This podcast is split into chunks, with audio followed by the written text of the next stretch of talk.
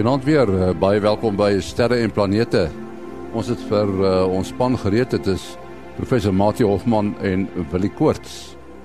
Ons gaan luister na ruimte weer nuus, maar voordat eers ruimte nuus wat geskei word deur Herman Turin in Bloemfontein.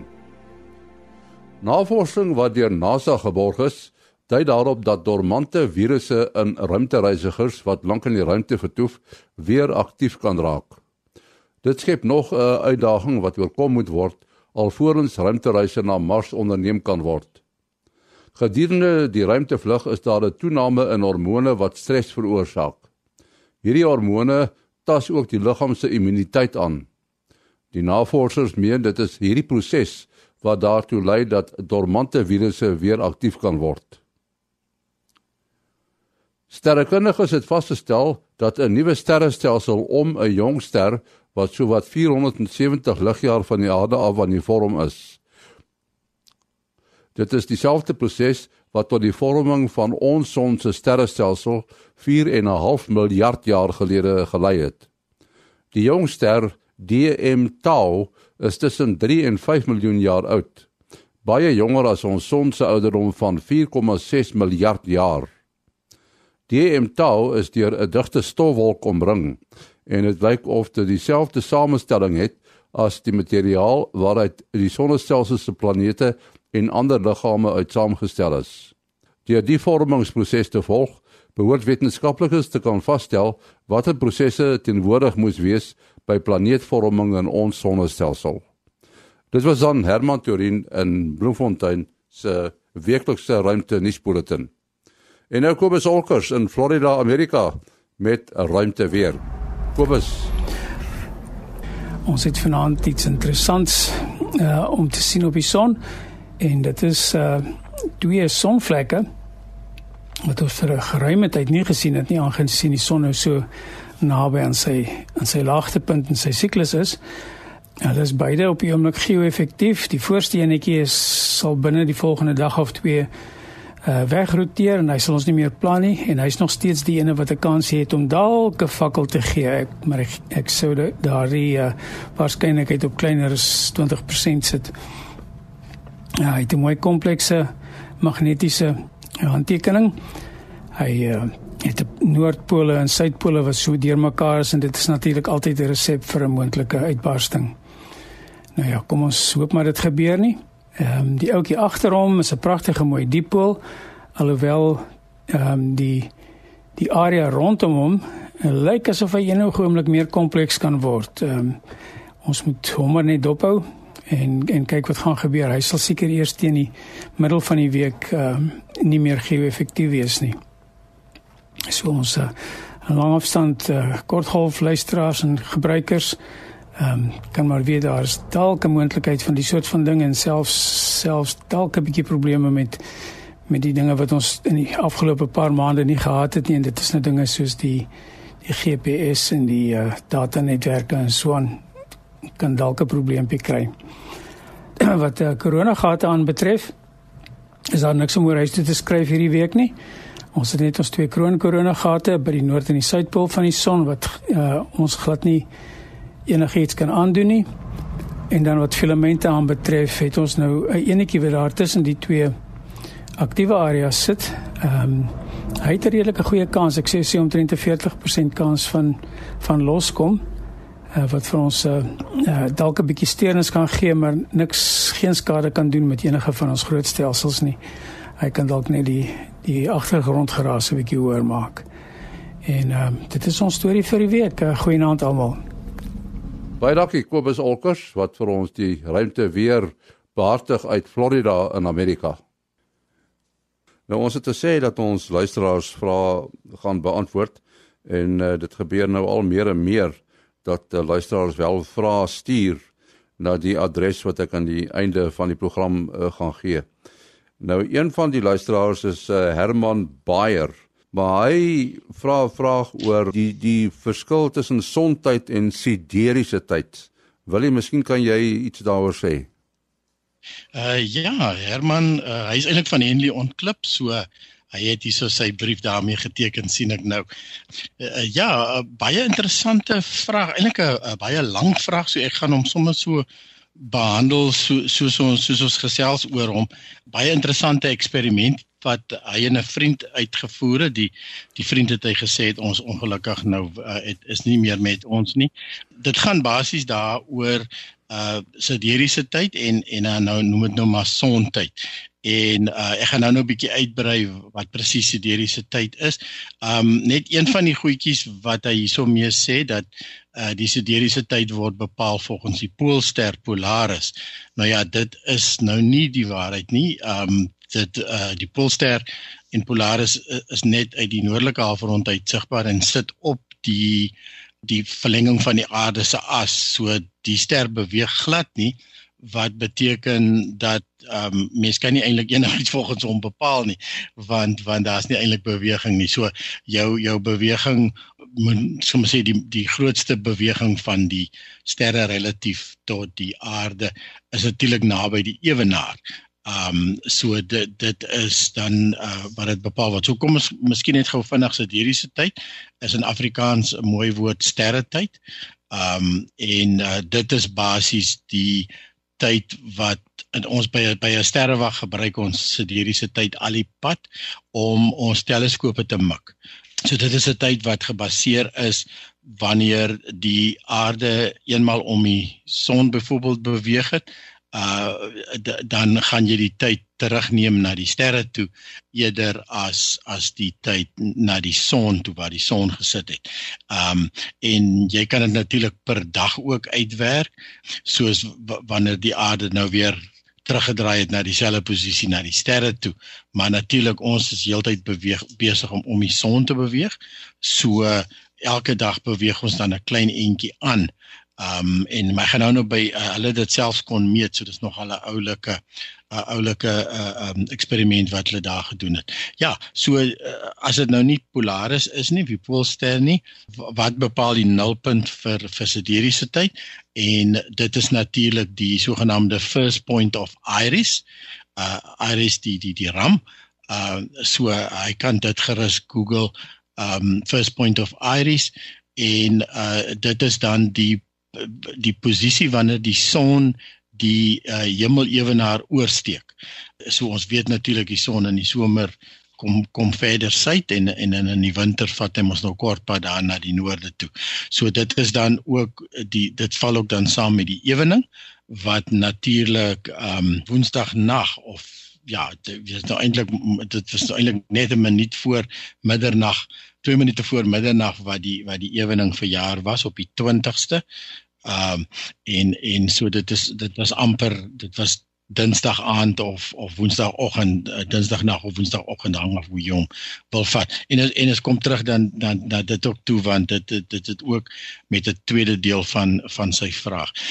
As gevolg van presessie, ons het al gepraat oor presessie, uh die aarde se as uh, maak so 'n kantelbeweging. Ons wat tol gegooi het kan onthou as jy 'n tol gooi uh uh nader aan net voor die tol wil omval, dan maak hy so so 'n kantelbeweging voor uiteindelik omvang en die aarde omval en die aarde se as is die dieselfde uh beweging. Dit vat 26000 jaar.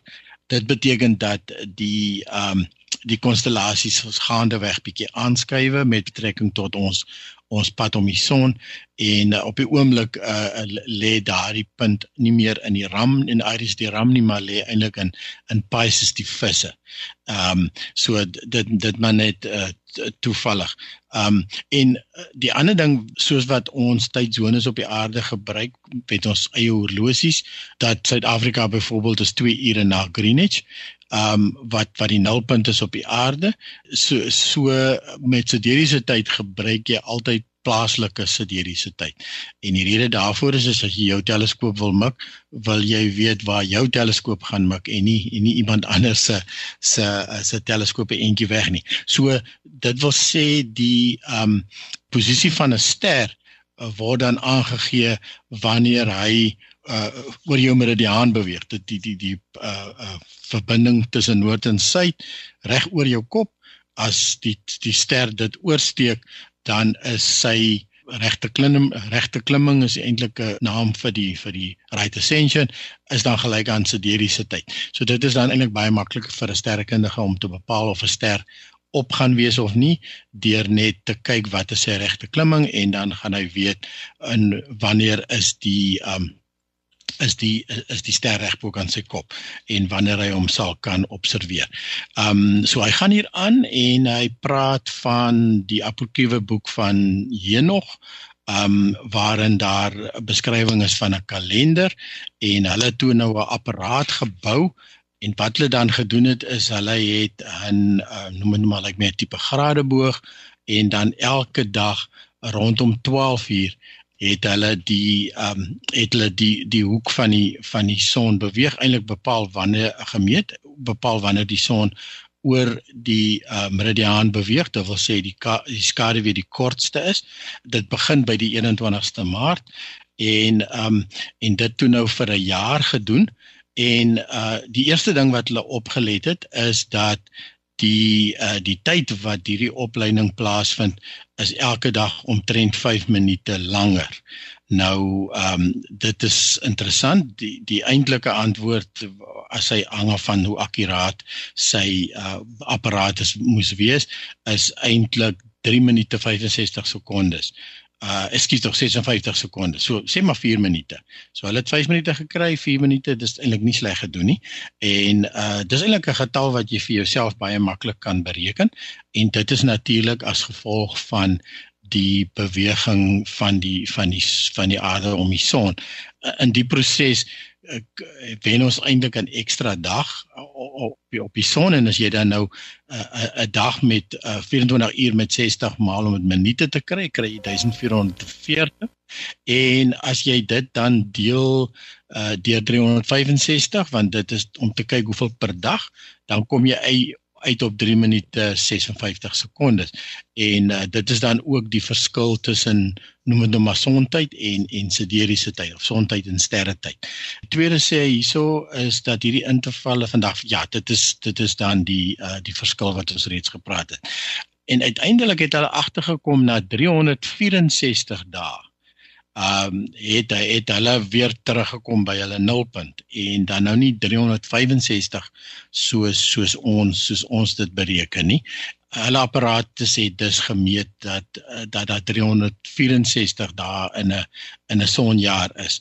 Ehm um, nou moet mens ook ook net besef is dat die ewening uh wanneer die dag en die nag ewe ewe lank is, um is is nie noodwendig 12 uur in die dag nie. So ek dink dit is dalk waar hulle hierdie hierdie verskilletjie gesien het. So hulle apparatus was nie heeltemal akkuraat genoeg om om dit uh, presies te bepaal nie.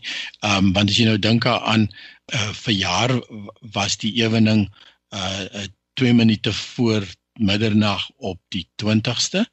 Uh verlede jaar byvoorbeeld was hy kwart oor 6 in die aand op die op die 20ste.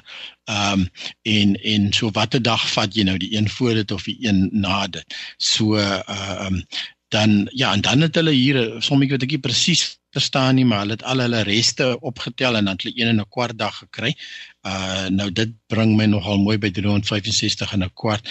Ehm um, maar so ek sê ek verstaan nie presies wat hy hier bedoel nie, weet jy of maar dit dalk kan anderster interpreteer nie, maar hoe dit ook al sê en dan gaan hy aan oor hoekom ons dan nou hierdie hele stelsel gebruik van um skrikkeljaar en en so aan as ons nou net hierdie stelsel kon gebruik en en dan uh so die nou nou een ding wat ek wat ek net vir hom moet noem is dat ja daar's eintlik 'n hele klompie jare as jy nou as jy nou dink daaraan want hy het nou hier gepraat van 'n van 'n sonjaar of 'n sondag 'n sonjaar uh, en ons lewens is mos nou volgens ons horlosies bepaal uh, uh en ons staan op as die son opkom en ons gaan slaap wel nou nie gaan slaap die stasie son ondergaan nie want ons elektriese ligte uitgevind maar ehm um, uh, die son bepaal nog altyd ons lewe en ons weet wanneer wil ons plant en wanneer wil ons oes ensovoorts so die seisoene en goeders bly mooi, mooi in pas. Ja so so, so sonjaar uh, is dan die die punt wanneer die son die hemel ewenaar oor oorsteek. So ons neem hom van 1 jaar tot die tot die volgende jaar. Ehm um, en dit uh, en dit is dan wat ons jaar bepaal. Uh en dit is eintlik 365 dae, 5 ure, 48 minute en 46 sekondes. So dit is dan die presiese oomblik wanneer die son die die hemel ewenaar oor oorsteek en ons praat ook van 'n tropiese jaar. En dan na, natuurlik kry jy ook die uh noem dit maar 'n sterrejaar wat nou 'n bietjie korter is 28 sekondes langer 20 minute langer en dit is dan wanneer ons weer teruggedraai het tot dieselfde posisie relatief tot die sterre maar dit soos ons reeds genoem het skuif 'n bietjie aan as gevolg van presessie en ook ehm um, die invloed van die ander planete op die son se baan ensovoorts en ehm um, daar kan jy daar selfs 'n ding soos 'n uh, in in Engels praat hulle van 'n anomalistic year en dit is byvoorbeeld wanneer die son weer teruggekom het tot die naaste punt uit die aarde weer op in die aarde se baan is effens ellipties. So daar's 'n hele klompie verskillende maniere hoe jy dan 'n jaar kan interpreteer, maar dan die jaar wat ons gebruik is dan die noem dit nou maar die sonjaar wat ons terugvat tot die punt wanneer die son die uh, die hemel ewenaar oorsteek en dan meet ons ons ons ons tyd uh, daarvolgens. Nou ja, hierdie goeters kom natuurlik nou al eeue aan en um, mense het moet soos, soos in heenogse tyd miskien uh, se apparaat met 'n sekere uh, akkuraatheid gehad en natuurlik deesdae kan ons dit goed al hoe meer en meer akkuraat vat. Om aan te sluit daarby uh, uh by Billy. Uh mens moet nou net ook 'n gedagte hou as ons nou die uh sideriese tyd en sontyd met mekaar vergelyk. Sontyd op die aarde is gebaseer op 'n fiktiewe gemiddelde sontyd. Uh so die eksperiment wat Herman hulle gedoen het, het hulle op hulle lokale sontyd gewerk uh mens kan ook praat die Engelse term is 'n parent uh, solar time. Die ding is soms uh verloop nie presies teen 'n konstante uh tempo nie. As mens nou 'n sonwyser sou vat en effektief het hulle nou 'n uh, bepaalde tyd met 'n uh, eenvoudige sonwyser gemeet om te sien presies wanneer is dit nou lokale sontyd vir hulle wanneer daai skade bietjie die kortste is daar is net as jy nie korreksies aanbring op die tyd wat die sonwyser wat korrek gemonteer is en gebou is nie uh, as jy 'n korreksie daarvoor maak jy dan is daar net 3 datums in 'n jaar wat daardie sonwyser presies reg lees. Uh, die een is so middel April, die ander een is so middel Junie, die ander een is so op die oorgang tussen Augustus en September. Ek kan nou van die grafiek af kan ek nou nie die presiese datums aflees nie. Uh dit gaan daaroor dat sontyd nie teen 'n konstante tempo verloop nie vir twee redes. Die een is is dat is dat die aarde se baan om die son nie presies 'n sirkel is nie. Die aarde se spoed uh, om die son is dan in, uh, ook nie 'n uh, konstant uh, nie. En die tweede een is is dat weens die die kanteling van die aarde se inklinasie teen opsigte van die vlak waarin hy om die son draai. En dis nou daai inklinasie wat ons seisoene en so hanteer en dis daai inklinasie wat bepaal dat vir ons in Suid-Afrika die son in die winter noord van die hemel ewenaar is en in die somer suid van die uh van die hemel ewenaar. Ehm uh, nou om word sontyd word gemeet met die mense kan nou praat van die analoog van lengtegraad. Uh dit is nou die die regte klimming wat direk die analoog in sterk koördinate is van lengtegrade op die aarde.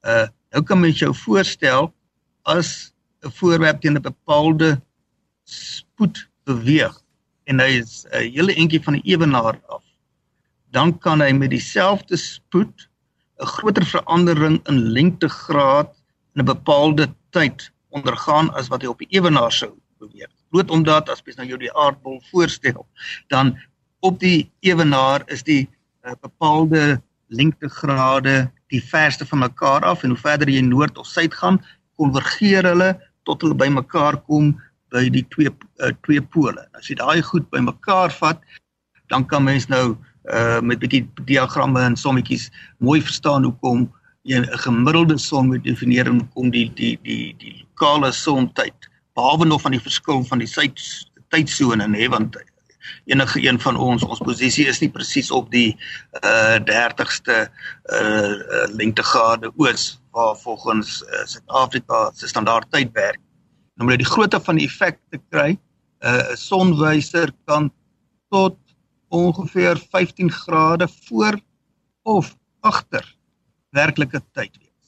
Uh 15 15 minute, né? Nee. Ek bedoel 15 minute, ja, 15 ja. minute of nou. Op Mars kan dit soveel as 40 minute wees. So dit is nou hy hy uh hy akkumuleer. Dit is nou nie een dag na die volgende wat dit nou baie van hom as jy nou jou sonhorlosie vir 'n klomp dae na mekaar bietjie te vinnig meet, dan gaan dit mos nou akkumuleer. En later dan verander dit nou weer. Dan herstel hy nou weer en hy gaan nou weer in die in die ander rigting.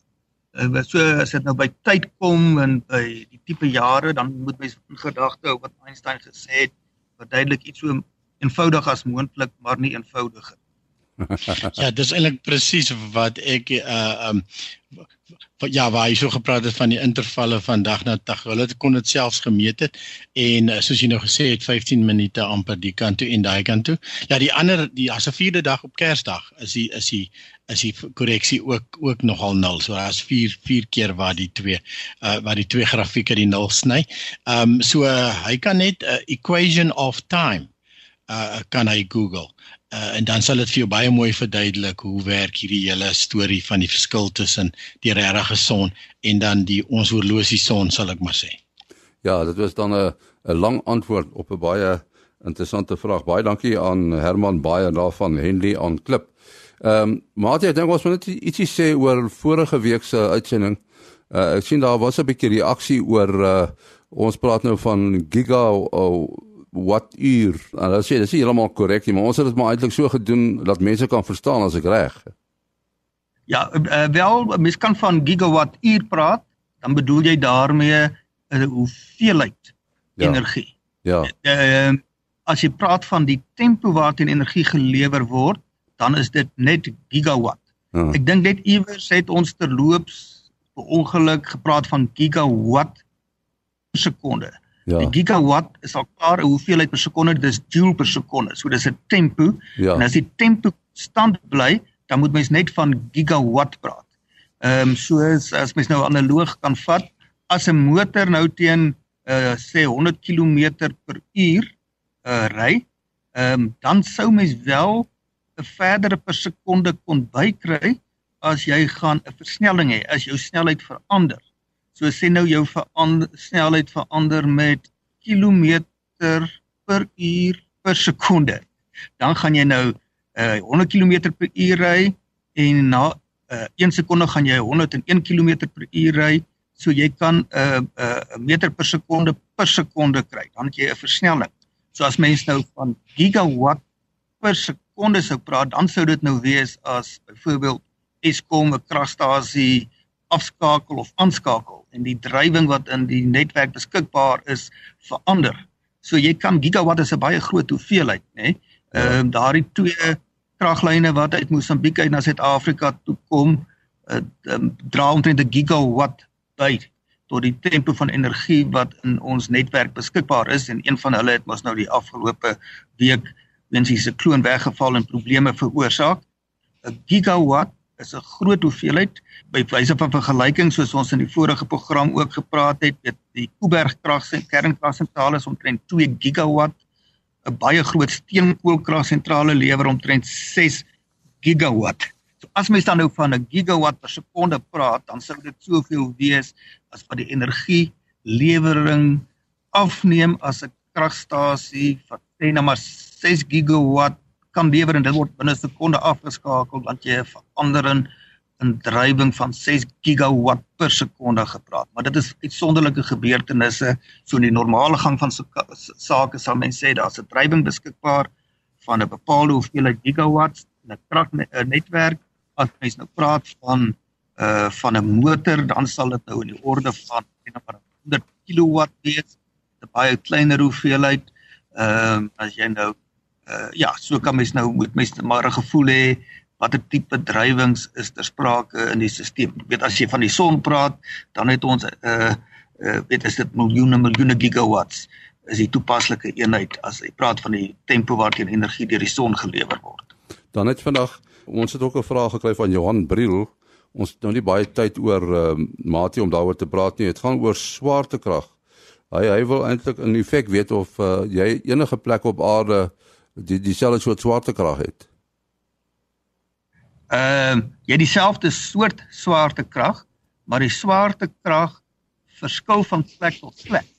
Die grootte van die swaartekrag ehm uh, is omtrent oral op die aarde vir 'n bepaalde voorwerp dieselfde. Dit varieer 'n bietjie eens hoogte bo seespieël en bo verbreedtegraad omdat die aarde nie perfek rond is nie. Maar die groot uh effek as ons praat daarvan dat die swaartekrag verander, is die rigting van die swaarte. As ons van 'n krag praat, is twee dinge belangrik: die grootte van die krag en die rigting van die krag. Ehm um, en die die rigting van die swaartekrag is altyd na die middelpunt van die aarde. So as jy by die uh uh by Suid-Afrika is, dan wys die swaartekrag vir ons voel vir ons af was, maar dit wys na die middelpunt van die aarde. As jy net teen oorgestelde kant van die aarde is en dit is Hawaii, dan is die krag net teen oorgestelde rigting. As ons nou ons horison as maatstaf wou vat, maar dis maar net ons horison, dan sou ons sê hulle staan ten opsigte van ons horison onderste bo. Maar vir hulle geld dit teenoorgestelde. Hulle sê ons staan regop ten opsigte ons horison uh en julle is onderste. So eintlik moet ons maar sê elkeen het sy eie horison en wat hom betref staan hy reg op ten opsigte van sy horison. En en dit geld natuurlik vir alle soorte swaartekragte. Ek praat nou sê maar die swaartekrag op Mars ook. Ja, ja, ja, daar is swaartekrag is weer na die middelpunt van van Mars. En as ons nou goed genoeg kon sien en ons kyk van hier af na Mars, ja, dan sou ons sê, "Jo, dit lyk nou of hy onderste bo daar in Mars hang." Maar uh, hy kyk weer terug na die aarde en hy sal se weer dieselfde oor ons kan sê. Ja, want hy praat ook hierso van bo en onder soos jy nou gesê het, daar is nie regtig 'n bo en onder uh uh vir vir vir iemand spesifiek ja so elke net half sy eie bo en onder. En ons kan dit natuurlik sien aan die konstellasies en die maan en alles dis verkeerd om tussen die noordelike en die suidelike halfrond. En dan het hy nog 'n laaste een gevra as 'n mens nou rondom die maan of Mars kan loop of jy by dieselfde punt gaan uitkom ja dis eintlik presies dieselfde op die aarde op so hierso is nog net water in in intussen maar ja dit omdat die, die planeet rond is 'n ronde bal is uh gaan jy kan jy stap dat jy presies by dieselfde punt kan uitkom. Ons moet afsluit. Uh mate jou besonderhede.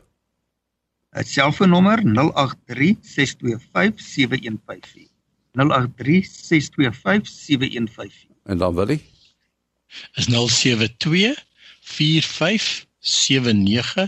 072 4579 En dan my adres maas.henny@gmail.com maas.henny@gmail.com dit is die adres waarheen u u vrae kan stuur. Onthou moet asseblief nie die Facebook groep of Facebook gebruik om vrae te stuur nie.